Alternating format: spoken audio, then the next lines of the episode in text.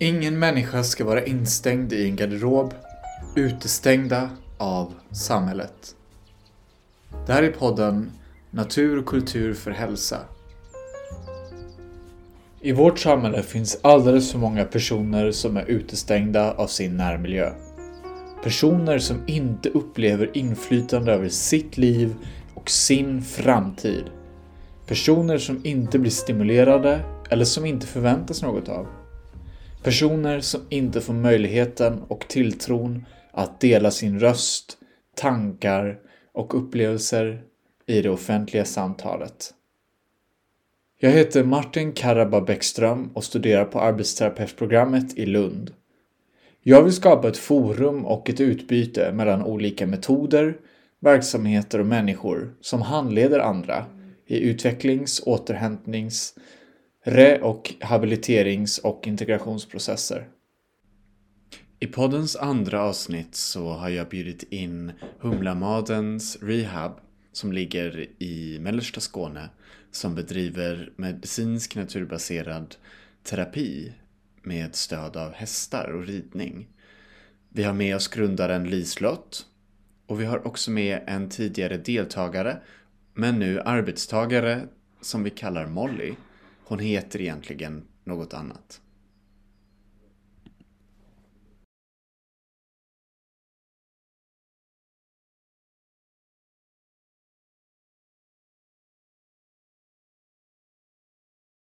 Tre.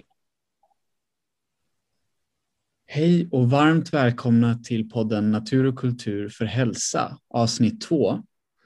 Idag så har vi två gäster med oss från Humlamadens Rehab i östra delen av Lunds kommun, Skåne.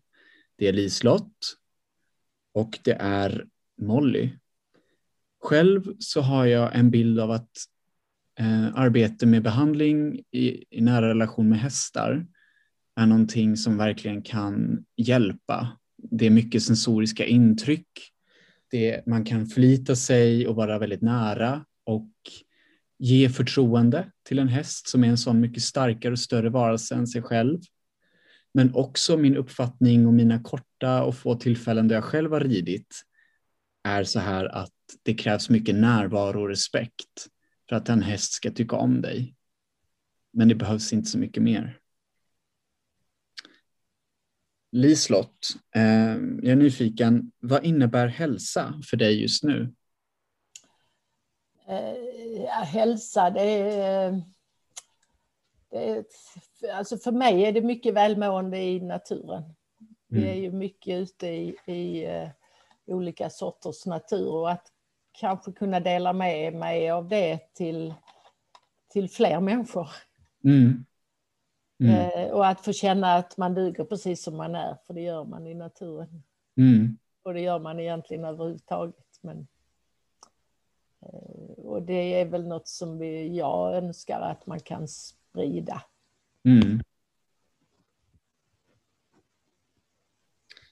Eh, humlamaden, eh, om humlamad, jag antar att humlamaden har en själ. Eh, hur skulle ni vilja beskriva eller bjuda in våra lyssnare in till själen som är humlamaden? Alltså Humlamaden, där vi har det är ju en eh, hästanläggning som ligger i en glänta i skogen. Mm. Eh, med väldigt vacker natur. Det ligger vid foten av Rummelåsen. Mm. Och vi har en eh, Eh, en bäck som strillar igenom vid sommarbetet och, och här är ganska kuperat nära eftersom Rummelåsen böljar iväg så att eh, lugn, tyst plats. Mm.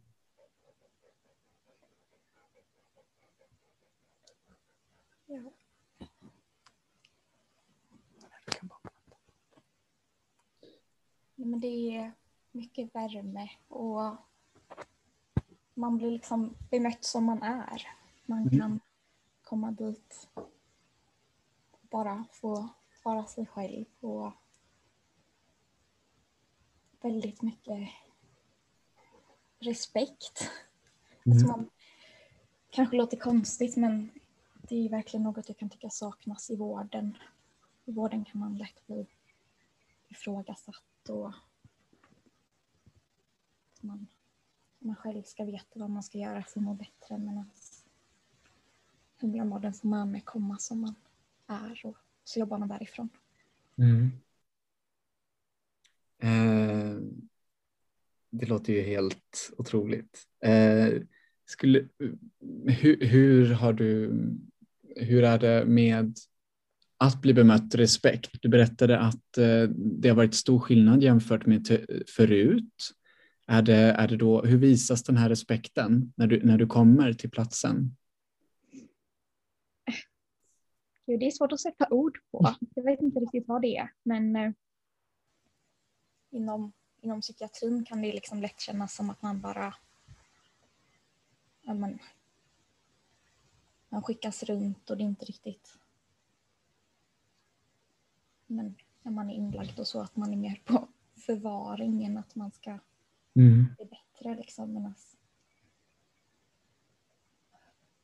ja, men det är okej att ha en dålig dag. Det är okej att ha en bra dag. Mm. Det är också viktigt. Och mm. Man gör precis så mycket man orkar. Mm. Ja, vi försöker vara noga med att det är kravlöst. Eh, och när man kommer så brukar man ju bli bemött av, vi har två utbildade terapihundar. Mm. Det finns väl ingen som kan välkomna så bra som dem när de kommer glada och viftar på svansen och ger ögonkontakt. Wow, vad glad jag blir att höra. Vad heter de här två hundarna? Eh, en heter Alice och en heter Lava. Just det. Och de har båda gått en ettårig terapihundsutbildning för, eh, eh, för att jobba som de gör hos oss på gården. Ja. Ja, jag blir väldigt... Ja, nej, jag, min hund som jag, vi hade i 14 år som heter Frasse, en lagotto romangiallo, han avled i februari. Men jag minns alltid hur det var. Alltså, som, som du sa Molly innan, eh, liksom en dag som hade varit regnig, en dag som hade varit solig, det spelade ingen roll. Eh, för när jag blev bemött av honom med viftande svans när jag kom hem så var det som att jag dög. Jag, jag, var, jag, var, jag var viktig. Så jag precis, var, det, gör mig väldigt, det gör mig väldigt berörd att höra. Ja. Ja, detta är två labradoodle heter de. Ja. Eh, och, eh, ja, men de, de älskar alla människor kan man väl säga och vet när de jobbar och är, eh, ja, de gör, de gör sitt jobb väl. Ja.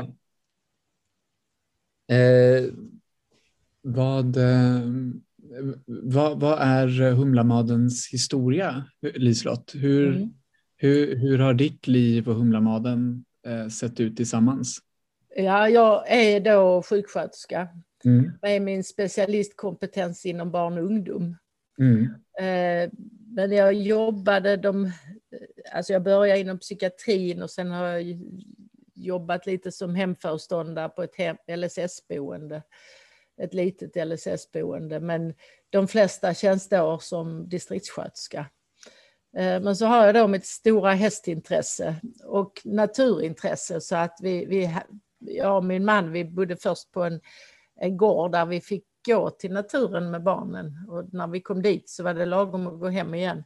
Och så började vi leta efter en, en gård som låg mer ute i naturen och så då hittade vi den här gården på Humlamaden.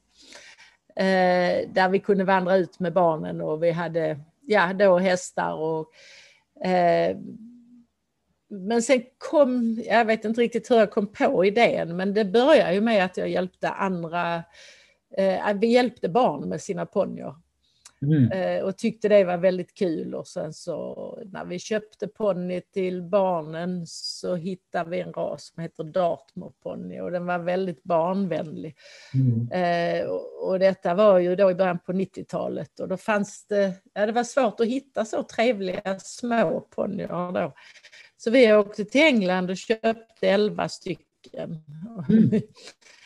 Och så blev det att jag kom på idén att ja, men jag skulle kunna ha en liten verksamhet.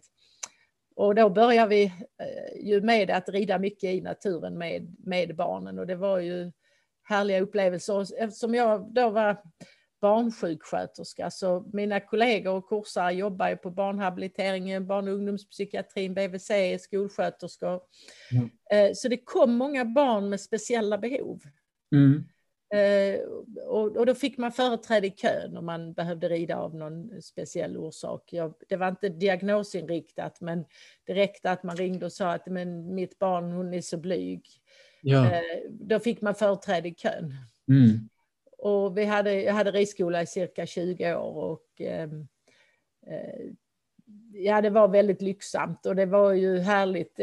Efter ett antal år så fick jag reda på att det hette inkludering. Det hade jag inte riktigt koll på innan, men vi blandade ju grupperna och det mm. gav otroligt mycket för alla. Och det, ja, det blev att jag var i Serbien och på andra ställen med Skåneidrotten och hade eh, kurser och utbildningar i att, att blanda barn med och utan funktionsvariationer som man säger då. Ja. Och på den vägen blev det då, vi hade projekt med skolor och, mm. Eh, och sen så kom då föräldrarna eh, där man har barn med, med svårigheter så kan det vara rätt så jobbigt för föräldrarna också. Man får eh, stöd på skoltid. Och, så det blev många föräldrar med, eh, som man sa då, långtidssjukskrivning. Mm. Eh, och, ja, så, så detta började då i mitten på 90-talet. Eller ja, det blev det. 97 sa jag upp mig, så sen 97 har jag jobbat heltid på gården. Mm. Eh, och utvecklat först för barn och ungdomar och sen för vuxna. Mm. Och nu jobbar jag med både barn och vuxna.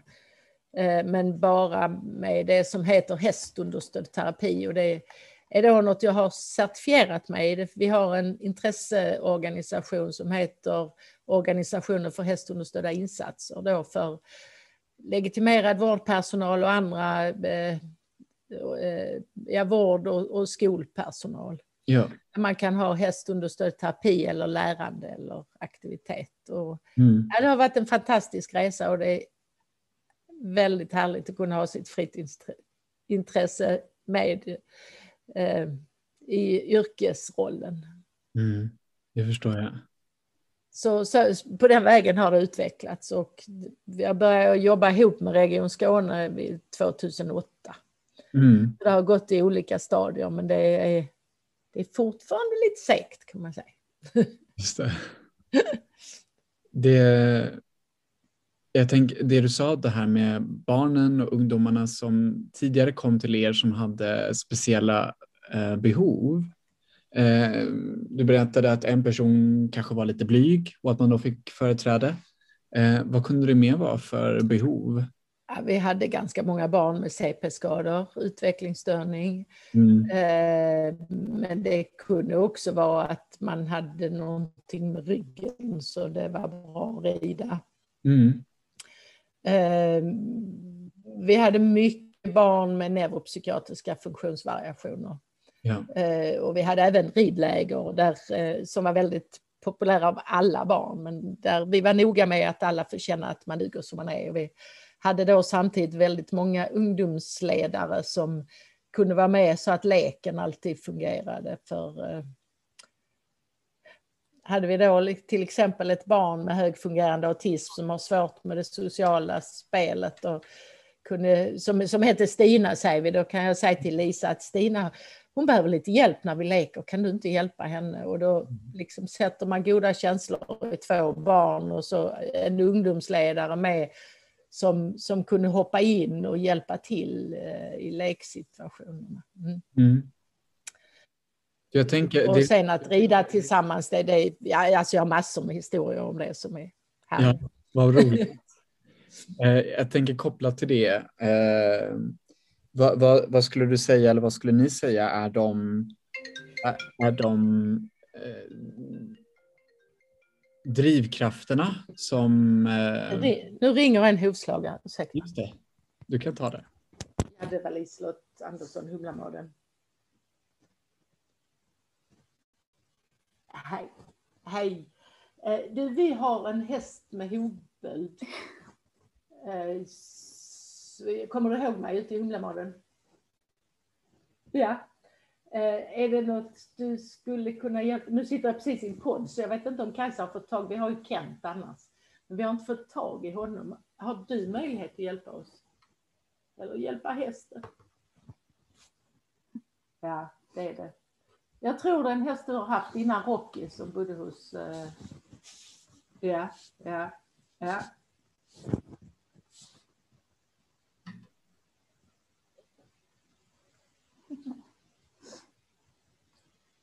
Ja, okej. Okay. Ja. ja, men jag, jag, hoppas vi löser det, annars, annars provar jag ringa dig igen om vi inte har löst det till imorgon. Men tack för ringde. Tack. Hej. Jag behöver inte ha den på, jag, kan, jag hör ändå om det ringer. Ja, det var inte till någon hjälp i alla fall. Det, det, det jag höll, precis höll på att fråga var eh, kopplat till alla barnen och ungdomarna och de behoven du frågade. Eh, vad, hur, hur, hur, hur kan den relationen mellan en häst och en person eh, skapa, skapa utveckling, skapa potential, skapa läkning? Alltså, eh, bara det att vi hade Eh, jag tänker på en pojke som är vuxen nu som hade en CP-skada som inte... Eh, alltså det, det, tog väldigt lång tid för honom att svara så att de andra barnen, eh, alltså de pratade liksom inte riktigt med honom men han var med i gruppen. Och han behövde ju alltid någon som både höll i honom och höll i hästen. Men han kunde ju vara med på samma villkor ute i naturen när vi red och, och leka på samma sätt. Då var vi en grupp, eh, det var sex barn, fyra pojkar i sexårsåldern och två flickor i femårsåldern. Och när vi gick in i ridhuset en gång och red en bana efter vi hade varit i, ute i skogen och ridit så skulle de rida själv. Eh, ja, då lite slalom och göra halt på ett ställe och trava en liten bit. Och så red de en och en som en liten bana och då eh, den här killen, eh, han red sist och då hade vi stått, jag hade fullt fokus på barnet som red och föräldrarna fick ju ha koll på de andra när de stod och väntade. Och när den här killen rider sist i det här gänget, då hade han förklarat för sin mamma att idag vill jag prova att rida själv, styra själv, för det hade han inte gjort innan. Och då gör han det, styr hela banan. Han travar inte, för det kunde han ju inte själv. Men han styr hela banan själv. Och när han hade ridit det här, så de här andra små barnen, de applåderar. Mm. Alltså då hade ingen applåderat dem, men de applåderar när han har ridit. Och det gav ju liksom, mm. ja, vilken känsla det eh, gav för alla.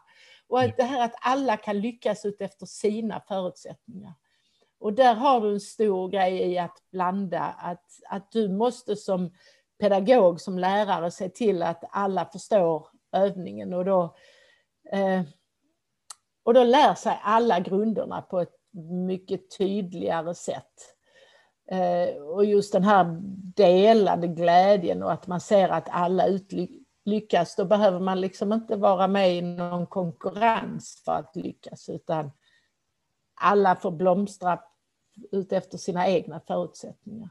Mm. Jag vet att du uttryckte så fint en gång. Du sa det handlar liksom om att packa livsryggsäcken med, med glada minnen. Precis, och, positiva djur och naturupplevelser. Och... Ja, och för att alla behöver ju känna det, att man, att man kan och att man... Precis, duger precis som den man är. Ja. Det, det är Humlamadden. ja. Det är Humlamadden. Ja. Eh, och eh, vad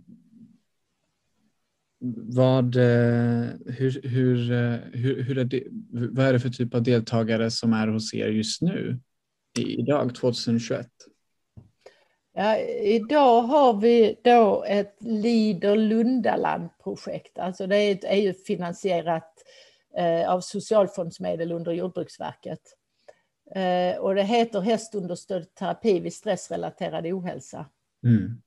Eh, och Eh, och det är öppet för eh, personer med eh, ja, stressrelaterad ohälsa i det skulle vara mest i Lundalandregionen men vi fick lov att ta in från fler, fler håll. Och sen har jag ju även privat tar jag med. Jag tar emot ibland barn med anorexi eh, eller psykisk ohälsa. Eh, barn, det som man säger problematisk skol närvaro eller skolfrånvaro, det som kallas hemmasittare också. Mm. Mm. Men i själva projektet är, är det då eh, vuxna, så det är från 18 till 65. Mm. Och det, ehm, eh, Eh, det går till så att vi får en remiss. De flesta kommer från psykiatrin, några från företagshälsovård. Eh, och då har jag bjudit ut eh, dem på ett besök där jag har berättat vad har vi att erbjuda och så får de berätta vad då liksom kan detta funka för mig och vad har jag för bekymmer annars och så gemensamt efter det så avgör vi om de har fått en plats. Och då har vi i grupperna åtta, man är inte patient, man är deltagare. Så vi har åtta deltagare i varje grupp och nu är vi på slutet av den sista gruppen som är mm. den sjätte gruppen. Mm. Ja, många deltagare har ju varit i vården väldigt länge ja. innan de kom. De flesta har varit sjukskrivna i ganska många år. Eh, två år är ju väldigt lite. Det är många som har varit sjuka i tio år. Alltså. Mm. Okej. Okay. Och och finns det en, naturligtvis finns det ju eh, helt olika berättelser från den sjukskrivningsperioden eller vården. Men, men, finns det en röd tråd i deras eh, berättelser innan de kom till er? I hur, hur de har, hur, hur, ja. hur deras relation till vård har sett ut och samhället har sett ut? Vi har ju en, det, det, där är ju en man som har beskrivit på hemsidan hur eh, som har varit sjukskriven i, alltså i omgångar för utmattning. Eh, som jobbar som chef eh, i, i, den privata sektorn med rätt så mycket stress i jobbet då. Eh, och han har beskrivit hur man får sömnmedel, tabletter och man får vänta. Mm. och vänta på att få en psykologtid. Men de flesta, är man riktigt sjuk så är det väldigt svårt att jobba med eh, i en terapi direkt. Man behöver ha kommit igång i sin läkning för eh, ofta är det de som är riktigt dåliga, där, där går det runt i huvudet liksom. Det, alltså vi har en som själv jobbar inom psykiatrin med behandling som drev sig själv så långt som står i sin egen trappuppgång och hittar inte hem. Står där en hel timme antagligen innan en granne kom. Alltså man kan driva sig så, så långt så att eh, ja, man kan inte förstå det om man inte har sett det eller hört det. Liksom. Hur, hur svårt sjuk man kan bli om man bara går på och inte tar, gör sin återhämtning. Ja. Så man kan säga att det, det det vi jobbar med, det är ju återhämtning. Eh, så länge du är, har stress så är du i det som heter kamp och flyktsystemet. Detta sker i autonoma nervsystemet, det är alltså det automatiska nervsystemet som vi påverkar lika lite som hur våra inre organ arbetar, för det är det nervsystemet som, som styr våra inre organ också. Och är du i kamp och flyktsystemet för länge, för då eh, eh, styr hjärnan eh, den mesta, det mesta blodet till musklerna för vi ska kunna eh, slåss eller fly. Och vi har ju något som heter frys också, när vi som Emil i Lönnebergs hönor ligger och ser, spelar döda. När vi inte kan, liksom, vi blir helt handlingsförlamade. Mm. Men när de här systemen, om det har varit igång för länge utan återhämtning så havererar det här systemet, det blinkar rött. Ja. Och det vi jobbar med då, det är att få igång lugn och ro-systemet som är då motvikten. Ja. För de systemen ska alltid vara i balans. Och detta är precis, alltså hela djurriket har samma, Ja. samma system. Ja. Och det är eh, och det är det vi har olika, hela vårt program går ut på, att få igång lugn och ro-systemet. Mm. Mm. Och, där, och det hör vi ju väldigt många som har varit sjukskrivna i många, många år som säger äntligen fick jag rätt hjälp. Mm. Det är ju en väldigt annorlunda behandling. Mm. Jag har själv gått många behandlingar. Ehm, Så när man kom hit var det väldigt annorlunda. Det var, det var väldigt lugnt tempo. Man blev nästan lite stressad för vi gjorde ingenting. Okej. Eh, Men det är ju också, man måste ju lära sig att det tar tid att komma tillbaks. Speciellt när man har varit sjuk så pass länge.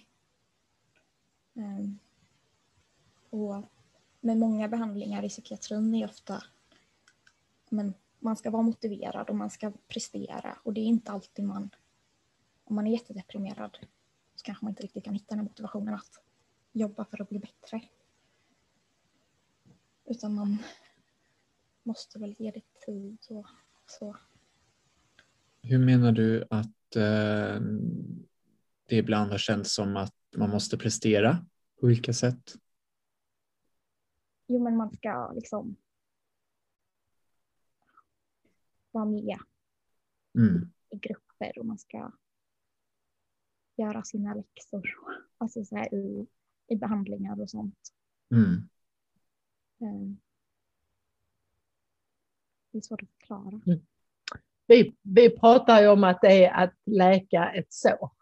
Mm. Men hade såret suttit på huden så hade vi förstått att eh, vi kan inte krafsa i det för det ska vara läkt till imorgon. Och vi måste hålla det rent och ge, kanske sy och tvätta. Eh, och det måste ha sin läkningstid. Och vi får ha från början ett jättebandage till det räcker med ett plåster. Ja. Eh, Men det är svårt att förstå när det här såret sitter på insidan. Men det behöver också bästa möjliga läkningsförutsättningar. Ja. Och där är naturen outstanding. Vi människor är, eh, tillhör den biologiska mångfalden. Vi är en del av naturen. Vi är skapta för att leva ett aktivt liv i naturen. Och det finns mycket forskning runt om i världen som visar hur viktigt det är. Eh, nu har man till exempel det här eh, skogsbad. Eh, har vi ju gjort länge men vi har kallat det för långsamma promenader i skogen.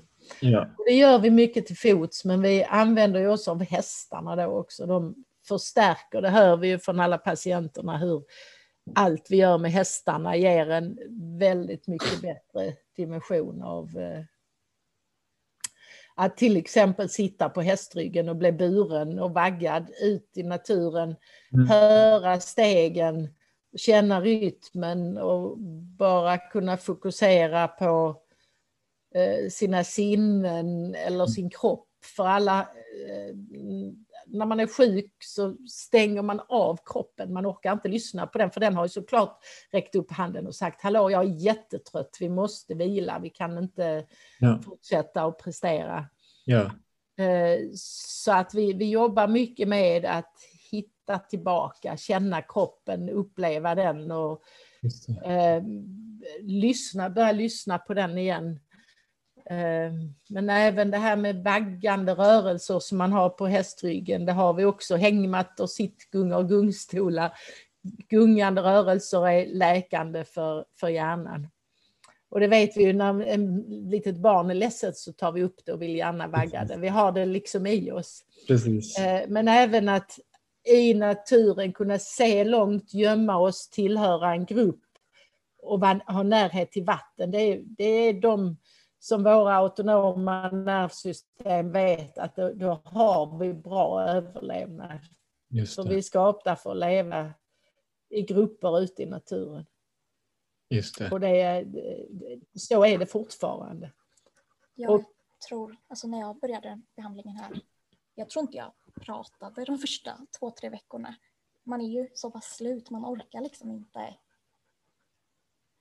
gräva i varför man mår dåligt, utan man måste bara få liksom få vila. Och alltså ändå att man kommer hemifrån och gör något om dagarna men att, att det inte är så mycket mer krav än så. Mm. Um, man hamnar i grupp med andra som mår, ja. också mår dåligt. Det är, det är lätt om man går hemma och är sjukskriven att känna att det är, alla andra springer vidare i världen men inte jag. Mm. Ja, och det är ju liksom att man inte att man känner att man inte klarar av någonting. Men jag har, jag har gått väldigt många behandlingar. Jag blev sjuk när jag var 13 och jag är 23 idag. Mm. Och man träffar liksom alla. Så fort man har en ny läkare eller ny samtalskontakt så förväntas man berätta och prata. Och men för mig det är ganska svårt att öppna upp och prata om det som är svårt. Um, och då är man liksom inte tillräckligt motiverad eller man... Det är så här... Om du inte ens vill prata, hur ska vi då... Det finns inte så mycket vi kan göra. Uh, det tror jag många kan känna igen sig att man liksom... Många som blir sjuka är ju ofta väldigt högpresterande också. Mm. Man... Och att då komma till vården och liksom att det blir ännu mer misslyckandes. Och men att man liksom inte riktigt lär sig att hantera mm. ångest och sånt själv utan det är liksom inläggning efter inläggning och sen till slut tycker de att man är hospitaliserad och då det är så här, ingen, det är väldigt ofta det här, nu har vi testat allt, vad ska vi göra nu då? Det, finns, det, liksom, det blir inte bättre. Mm. Och då, då har man ju misslyckats även i det. Just det. Det som ingen människa vill misslyckas inom har man lyckats misslyckas med. Ja, och speciellt alltså man kan känna sig så överkörd också för man har liksom inte så mycket att säga till om. Det är, man får testa medicin efter medicin efter medicin och speciellt men jag är ju ganska ung, det är det här men då vet jag inte vad jag behöver för att jag är för liten. Så. Och men vissa behandlingar kan ju vara väldigt obehagliga. Ja. Men ECT, elchocksterapi, mm. att, att det liksom är ett alternativ innan. Alltså bara en så enkel sak att komma ut naturen och mm, någon som bryr sig om en och mm. lyssna på vad, vad, man faktiskt behöver. Mm. Och, och att det får ta tid. Så mm man ska... Det tror jag jag förstod första gången när jag kom till Humlamaten att jag ska ju må bra resten av mitt liv. Jag ska ha ett långt liv. Mm. Jag ska bli tillräckligt frisk för att orka. Mm. I vanliga fall är det liksom det här, ja men, när man liksom inte är självmordsbenägen, då kan man tillbaka till skolan liksom. Visst. Då blir det bara om och om igen. Man misslyckas och misslyckas för att man... Det är klart man inte klarar av skolan när man är sjuk. Nej. Svårt att inse det själv ofta. Ja. Molly har gjort en fantastisk resa hos oss. Som du säger när du kom, du pratade nästan inte. och sen har du gått framåt och sen har hon kunnat jobba hos oss mm. ett halvår nu under eh, projektet på väg vidare. Eh, ända fram till nu när skolan börjar och projektet tar slut och vi inte kunde ha fler anställda för tillfället. Mm. Ja. Jag har ju hållit på mycket med hästar innan. Du hade ju hästkunskap med dig också. Ja. Mm. Vad är det för projekt på väg vidare? Eh, alltså, eh, vårt projekt tar slut, så vi håller Aha, på och jobbar. Okay. Vi, vi, har ingenting vidare. Vi hoppas ju på att hitta, hitta ny, nya medel och komma vidare med Humlamaden. Just det, jag förstår. För, för det, tar, ja, det är säkert att komma vidare inom vården. Så det är, ja. Eh, men Moa har då kommit vidare. Mm. Och tagit upp studier. Mm. Jag missförstod lite. Det lät för mig som att det var ett, eh, ett projekt som var inne, inom ert projekt. stora projekt. Eh, någonting som jag också är väldigt nyfiken på och någonting som jag tror många är nyfikna på hur, hur, hur, hur, det, hur det sociala samspelet ser ut med hästarna eller hur det är att uppleva och prata istället för att behöva kanske då som du sa innan Molly prata med människor inom vården så, så kan man kommunicera med en häst istället eller, hund, eller hundar. Hur, um, just att ha det samtalet med en häst. Hur, jag, kan, jag kan liksom bara lägga grunden där i hur mm. vi tänker med vår, djuren som jobbar hos oss. Mm. Uh, så kan Moa få, eh, Molly få komma vidare sen. Uh, Klipper bort det. Mm. Ja. Uh, men när, när vi vi pratar rätt så mycket om vad har en hund för eh, behov för att må bra. Vad har en häst som vi har i vår fångenskap som vi stänger in i hagar. Vad har de för behov eh, för att kunna må bra? Hur kan vi göra för att berika deras liv så att de har ett bra liv fast vi har dem i fångenskap? Mm.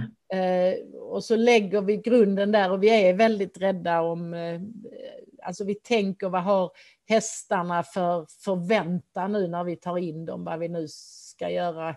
Vi har mm. till exempel en box som de går in om de ska bli ridna och en annan box som de går in för att jobba i terapi. Mm. För att hästarna ska liksom vara, vi vill ju att de ska ha så stor tillit som möjligt och känna att även de blir lyssnade på mm. i kommunikationen, att vi att de inte bara ska typ lyda utan Nej. vill ju att de är deltagare och är positiva och vill kommunicera med människor. Just det. Uh, och där kommer alltså, nästa steg när jag jobbar med barn då, att när jag berättar hur noga vi måste vara och presentera oss innan vi går in i en hästbox och se till så allt vi gör är så behagligt som möjligt för hästen, då, då, kan, då blir jag ju någon som man kanske börjar våga lita på. För många barn som har haft det jobbigt är ju insatströtta. Eh, och har de då några som har blivit utsatta för övergrepp, ja men då har man ju liksom tappat tilltron till vuxna. Då gäller det ju att bygga upp det. På. Och, och då eh, om jag visar hur noga jag är med våra djur, då blir jag kanske någon jag kan lita på. Ja. En, en vuxen som man börjar våga lita lite på. Mm. Eh, men det är ju samma med hundarna, att vi är, vi, min dotter som bor på gården, hennes föräldrar har flyttat hemifrån, den yngsta dottern bor på gården. Och hon har hundavel och, och där är ofta valpar. Och det är också så här att vi är jättenoga med det, men det, det blir också ett sätt att visa hur, hur viktigt varje levande individ är. Eh, och, och då i nästa steg så kan man ju börja tänka, men vad har vi människor för behov för att må bra? Mm. Vad, är, vad, är, det vi behöver för att kunna, ha, kunna må bra och ha ett bra liv? Just det. Att vi, och att vi måste lära oss att vara att vi själva är värdefulla. Vi måste vara rädda om oss själva. Ja. Eh, för det har vi, vi har kanske lärt oss mer att vara bra på proven och anstränga ja. oss lite till och köra över oss själva ibland istället för att eh, lyssna på oss själva och vara rädda om, om vårt mående. Ja, verkligen. Sen lämnar jag över till dig Molly. Med djuren, med eh, relationen till djuren pratar vi om. Mm. Ja, nej men det.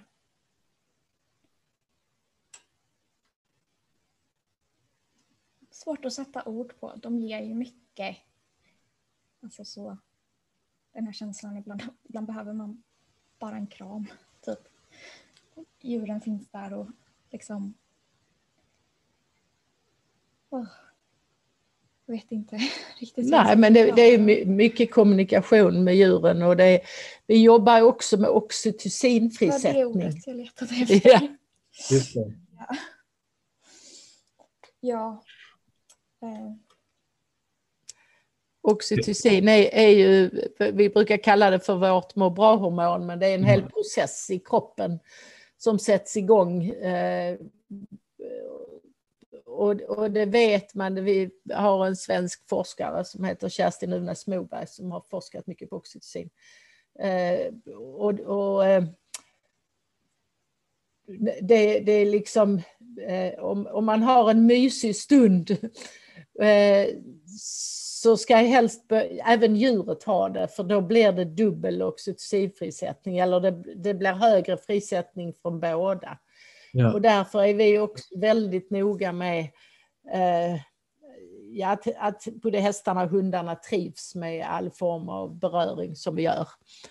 Vi har ju hästarna, förutom att vi har skogsbad till häst, eh, så har vi också avslappningsövningar på hästryggen. Där man får ligga, ligga med huvudet på hästens rumpa ja. Eh, och ligga på mage och ha en avslappning. Och det är också många som har beskrivit det som väldigt eh, bra mot ångest med trycket mot bröstet och känna, alltså ligga på en levande annan varelse med andning och hjärtslag och, och, då, ser, och då står hästarna och tuggar hö samtidigt och vi en håller i hästen och ser till att hästen blir lite kliad, har det mysigt under tiden och eh, ja, vi är alltid två personer så att det är väldigt tryggt att ligga på hästryggen där samtidigt.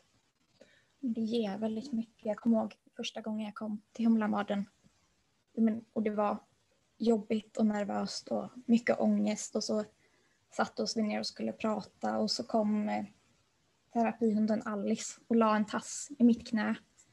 Och det bara, det ger en sån trygghet med djuren med när man men liksom i psykiatrin, det tror jag många kan tycka att nästan, ångesten kan nästan sitta lite i väggarna. För det, man har spenderat så mycket tid där och så mycket ångest och jobbigt medan ångesten kan släppa lite när, när djur är med.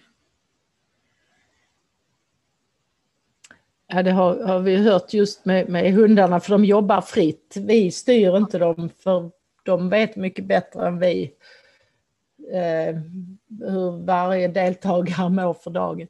Eh, men det har vi hört att, att hundarna har... Alltså de, deltagarna märker att hundarna vet när jag har en dålig dag, för då kommer de mycket mer till mig. Ja. Kanske lägger en tass på eller huvudet i knät eller eh, ja. sätter sig in till. Ja. Det är någonting som jag också har. Jag gör en praktik just nu på hjärtavdelningen i Malmö eh, på universitetssjukhuset och det, det finns efter otaliga patientmöten eh, personer som jag träffat eh, som jag bara önskat att det fick komma in en hund till dem och för att lugna deras nyopererade hjärtan eller de kanske är nervösa och oroliga för en stor operation eller ja, det, det, har varit väldigt många gånger som jag har verkligen önskat att, att det finns också mer eh, terapeutiska hundar inne i, på kliniker och avdelningar som jag tror hade kunnat göra så mycket. Det finns att, faktiskt en hjärtklinik i USA där man har hundar. Yes, eh, och där finns försäkringsbolag som, som säger att man ska ha djur med i rehabilitering för man vet det går fortare. Ja. Och där, där kan, kan de ordineras hund i säng eller hund på stol bredvid säng. Wow, vad inspirerande. Ja, jag har sett filmer därifrån. Mm. Jo, men ja. hästarna också när man har mycket ångest. Att, att liksom bara komma in till en häst och komma ihåg att, att andas. Och liksom, det är någonting väldigt lugnande med det. Att, att vara med en häst. Och, ja. Vi har, vi har små ponnyer också som får stå och tugga hö i en box som man kan sitta inne hos och klappa. Det är gamla trygga ponnyer hos oss som vi, som vi vet är helt hundra säkra. Eh, och bara det här ljudet med tuggande hö, det har vi ju även under avslappning på hästryggen. Det är ju väldigt, eh, det här rytmiska, alltså man säger, jag, jag har läst rätt så mycket tysk litteratur innan och där har man använt hästar ganska mycket i, i mycket rehabilitering. Man hade mycket att rehabilitera efter kriget. Eh, och, och, där pratar man om just det här rytmiska tuggandet som, som hästen har, att det påminner lite om eh, ljudet i navelsträngen när vi ligger i livmodern. Det är psh, psh, psh, och det är, det är väldigt bra, eh, lugnande för oss. Och det har vi ju även eh, då hästen med den här icke-verbala kommunikationen som man har med, med små bebisar. Man vet fast man vet inte varför man vet, men man vet ändå vad de önskar ja. eller vill eller hur man kommunicerar. Och de eh, pratar också om det här att höra stegen och känna rytmen när vi har skogsbad till häst. Att det, och vi har alltså haft några som har haft jättesvårt att komma ner i ro. Eh, även ute hos oss på Humlamaden. Men de bästa stunderna är då sittande på hästryggen när jag bärs och vaggas. Och, eh, det är ju också något som jag har haft med barn med neuropsykiatriska funktionsvariationer som ADHD och så. Att vi har kunnat ha lektion ute i skogen för då behöver man inte hålla sig själv i rörelse. Hästen håller en i rörelse. Du ska bara hela tiden själv återta din balans. Då kan du fokusera på ett annat sätt. Ja. Det är också det är så svårt att förklara. Det är nästan någonting man måste uppleva själv för mm. att det är verkligen det gör verkligen en jättestor skillnad när man, när man i vanlig vård, när man sitter i samtal, har man mycket ångest att man kanske har så mycket att man, ångest att man till och med sitter och skakar och inte kan prata. Mm. Att det kan vara väldigt svårt att liksom hitta tillbaks och bli lugn och samlad. Ehm, Medan det är någonting med djuren. De ger otroligt mycket. Det är väldigt, ja, men jag tycker också det är med naturen generellt, eh, djur, att den här stora kunskapen, intelligensen på så många sätt som inte vi besitter, som vi inte kan förstå oss på. Och den här, det är som att titta upp på natthimlen, eh, vilket jag själv kan tycka kan vara väldigt läkande, en skärklar natt och bara titta upp och känna att jag förstår ingenting. Men det här, är, det, här, det här är inom mig samtidigt som det finns samtidigt som det är flera mil ovanför huvudet. Ja, det är storslaget. Eh, jag Tänk där också på eh, många barn som kommer, av de barnen som kommer ut med eh, eh, psykisk ohälsa. Att, att för barn är det ofta svårt att sitta och lyfta på locket på saker. Men eh, där, eh, de, de, flesta tycker det är väldigt härligt när det går ut. För det är där vi har våra samtal då medan vi eh, Eh, går i skogen och de sitter på hästryggen och blir vaggade och gungade och vi pratar om våra sinnen och hur vi tillhör eh, detta och hur, alltså vi är en del av naturen och att vi kanske får försöka hitta olika vägar att komma vidare eh, på att, vi, att alla kan inte klara skolan precis som den ser ut. Eh, utan det, men vi duger ändå alltid precis som vi är och vi får bara försöka hitta andra vägar och så pratar vi om alla stigar som finns i skogen men de, man kan leda fram till samma mål ändå. Mm.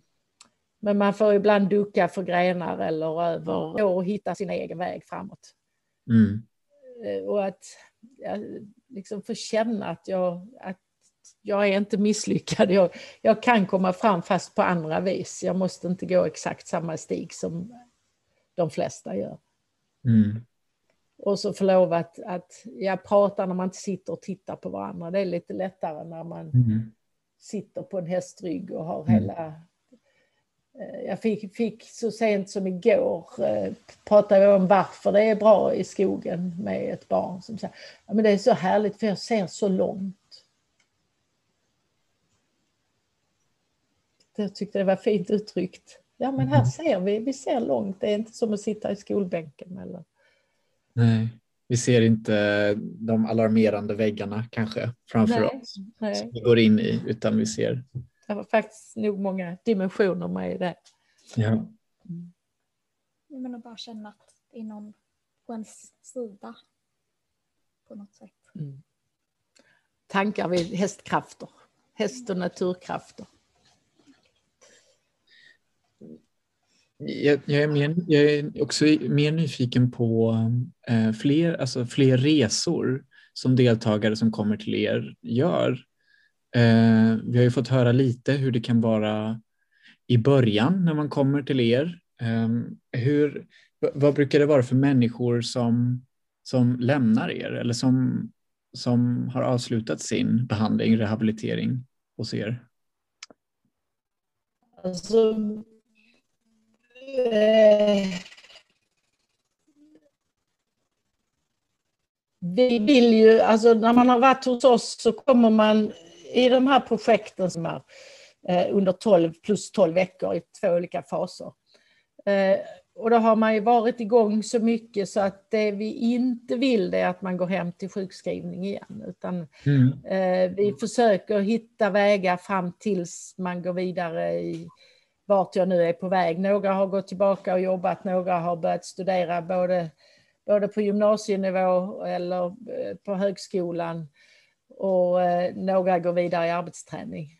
Nu råkar vi ju ha det här precis när det, pandemin kom så det var ju tur att vi hade lagt in en fas 3 som, som finns med i projektet men som då inte är eh, Alltså den är helt ofinansierad men det, var ju, det är ju en tanke att vi inte vill att man ska gå hem och bli sämre igen. Nej. Då kan man ibland trilla ännu längre ner än vad jag var tidigare när jag då har kommit en bra bit på vägen. Eh, men annars är det ju många som går vidare i arbetsträning. Ja. Men det har ju varit mycket arbetsplatser som inte tagit emot nu när vi har försökt vara så få som möjligt på grund av pandemin. Ja. Så vi har ju haft lite extra många ute på gården som har varit då i det vi kallar fas 3. Ja. Eh, som är en, nästa steg inför förberedande arbetsträning. Just det. Men det är också något som, som är speciellt med Humlamaden kan jag tycka att det finns en väldig trygghet att när man är klar med behandlingen att, men att Liselott ser till att man hamnar på ett bra ställe. Vare sig yeah. det är arbetsträning så har ju hjälpt till med liksom kontakt mm. med Arbetsförmedlingen att man det är så viktigt att man har en bra handläggare och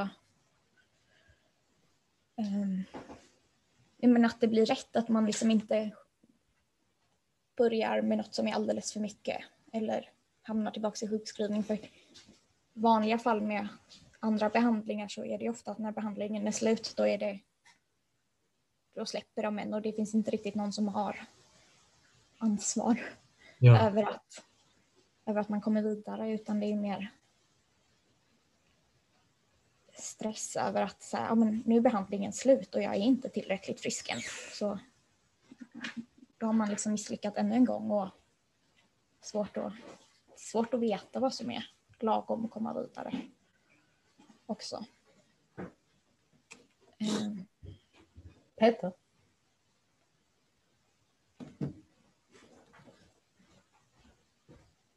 Nu kommer jag mig. jag tänker att... Ja, det är, ja, jo, alltså det är väldigt viktigt att har man, har man blivit sjuk en gång så är det ju jätteviktigt att få hjälp och stöd i att eh, inte behöva hamna där igen utan hållbar hälsa, det är vårt mål. Mm. Vi startade ju en stiftelse eh, för ett år sedan, lite mer än ett år sedan för eh, att vi skulle försöka komma vidare på att det var kanske lättare än att bara ha företag, alltså eh, för vårt mål är, är ju att få in den här behandlingsformen. För det är ju fruktansvärt att så många människor går sjukskrivna för att alltså det är någon form av systemfel. Vi måste, vi måste våga förändra och lyfta blicken och göra det mer eh, person... Eh, alltså att varje person får ta sin plats, att man inte ska behöva eh, vara i en fyrkantig låda och det är precis så här det ska gå till bara, utan att alla människor får möjlighet att, att komma vidare på sitt sätt.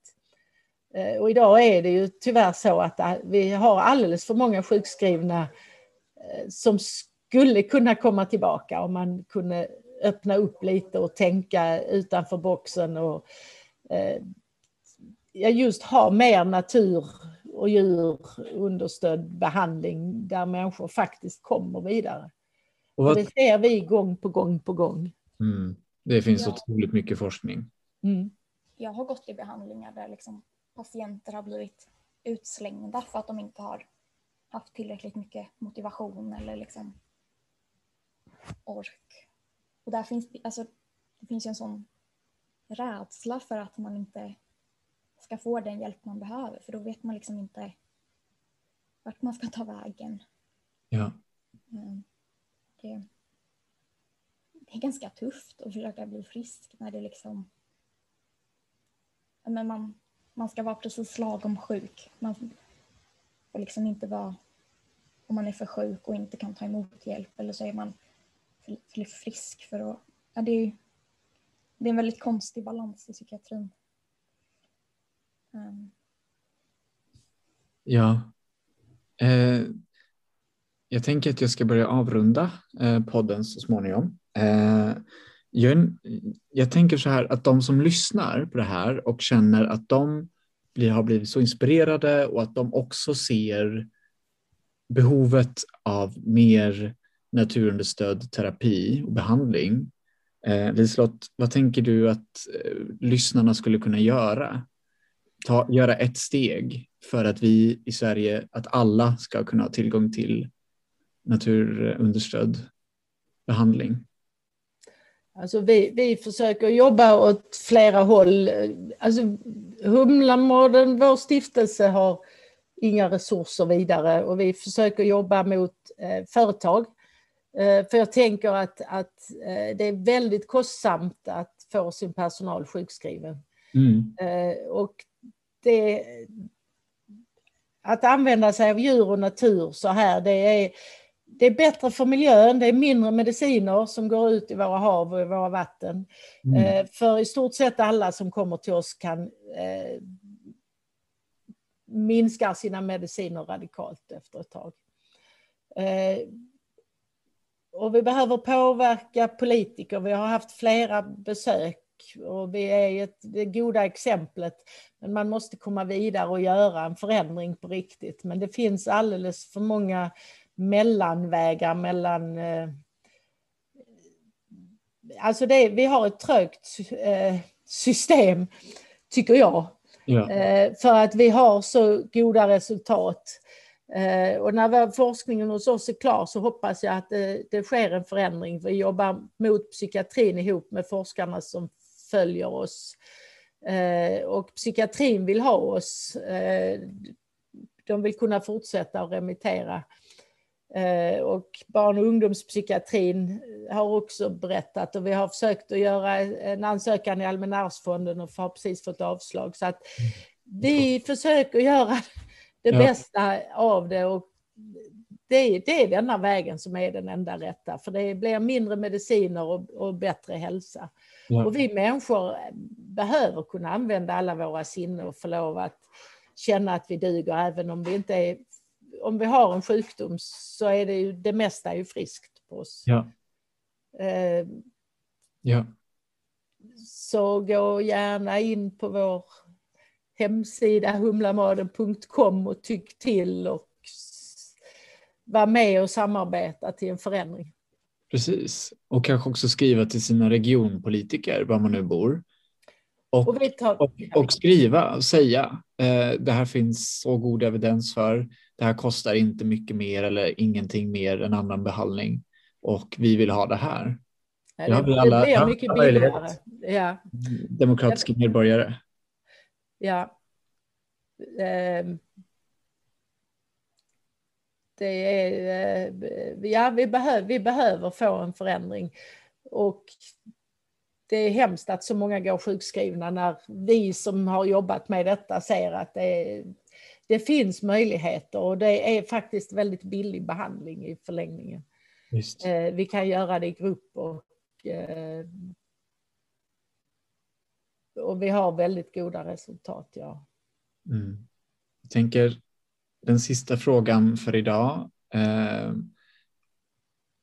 är, rikt, är, är riktad till eh, personer som om perso en person som kanske känner att de håller på att gå sönder av stress just nu i sina liv. Eh, om ni skulle få ge dem ett tips. Eh, en, någonting att ta med sig, en tanke eller en inspiration eller en, en metafor eller en, en upplevelse. Vad skulle ni vilja skicka med dem? Jag tänker eh, eh, försök att hitta det kravlösa, långsamma naturer, i, eller eh, långsamma eh, skogspromenader eh, vet vi är väldigt bra. Gärna mm. tillsammans med någon. Eh, och djur. Mm. Mycket närhet. Vad säger du Molly? Um, man måste ta hand om sig och sätta sig själv först. Jag vet att det är svårt, speciellt för folk som är stressade, att ta tid och eh, liksom, att, att, att det är okej okay att ta lugnt och ta tid att liksom, återhämta sig. Men eh, hälsan är det viktigaste vi har. Vi måste må bra för att orka. Det är mm. Idag kan det nästan finnas någon slags prestige i att vara stressad. Att man liksom ska man ska jobba jättemycket och hinna med hur mycket som helst på sin fritid. Och det är nästan så, så det ska se ut idag. Mm. Och allt fler blir sjuka. Mm. Och jag tror inte ens det går att förstå hur sjuk man faktiskt kan bli av stress. Nej. Eh, så försöka lära sig att ta det lugnt och återhämta sig. Mm. Något man behöver lära sig. Mm. Otroligt kloka ord. Mm. Tack för att ni har lyssnat och tack till er två för ett sånt inspirerande, klokgivande, eh, lärorikt och berörande, inspirerande samtal. Tack till dig för att vi blev inbjudna och att du har en sån här podd. Ja,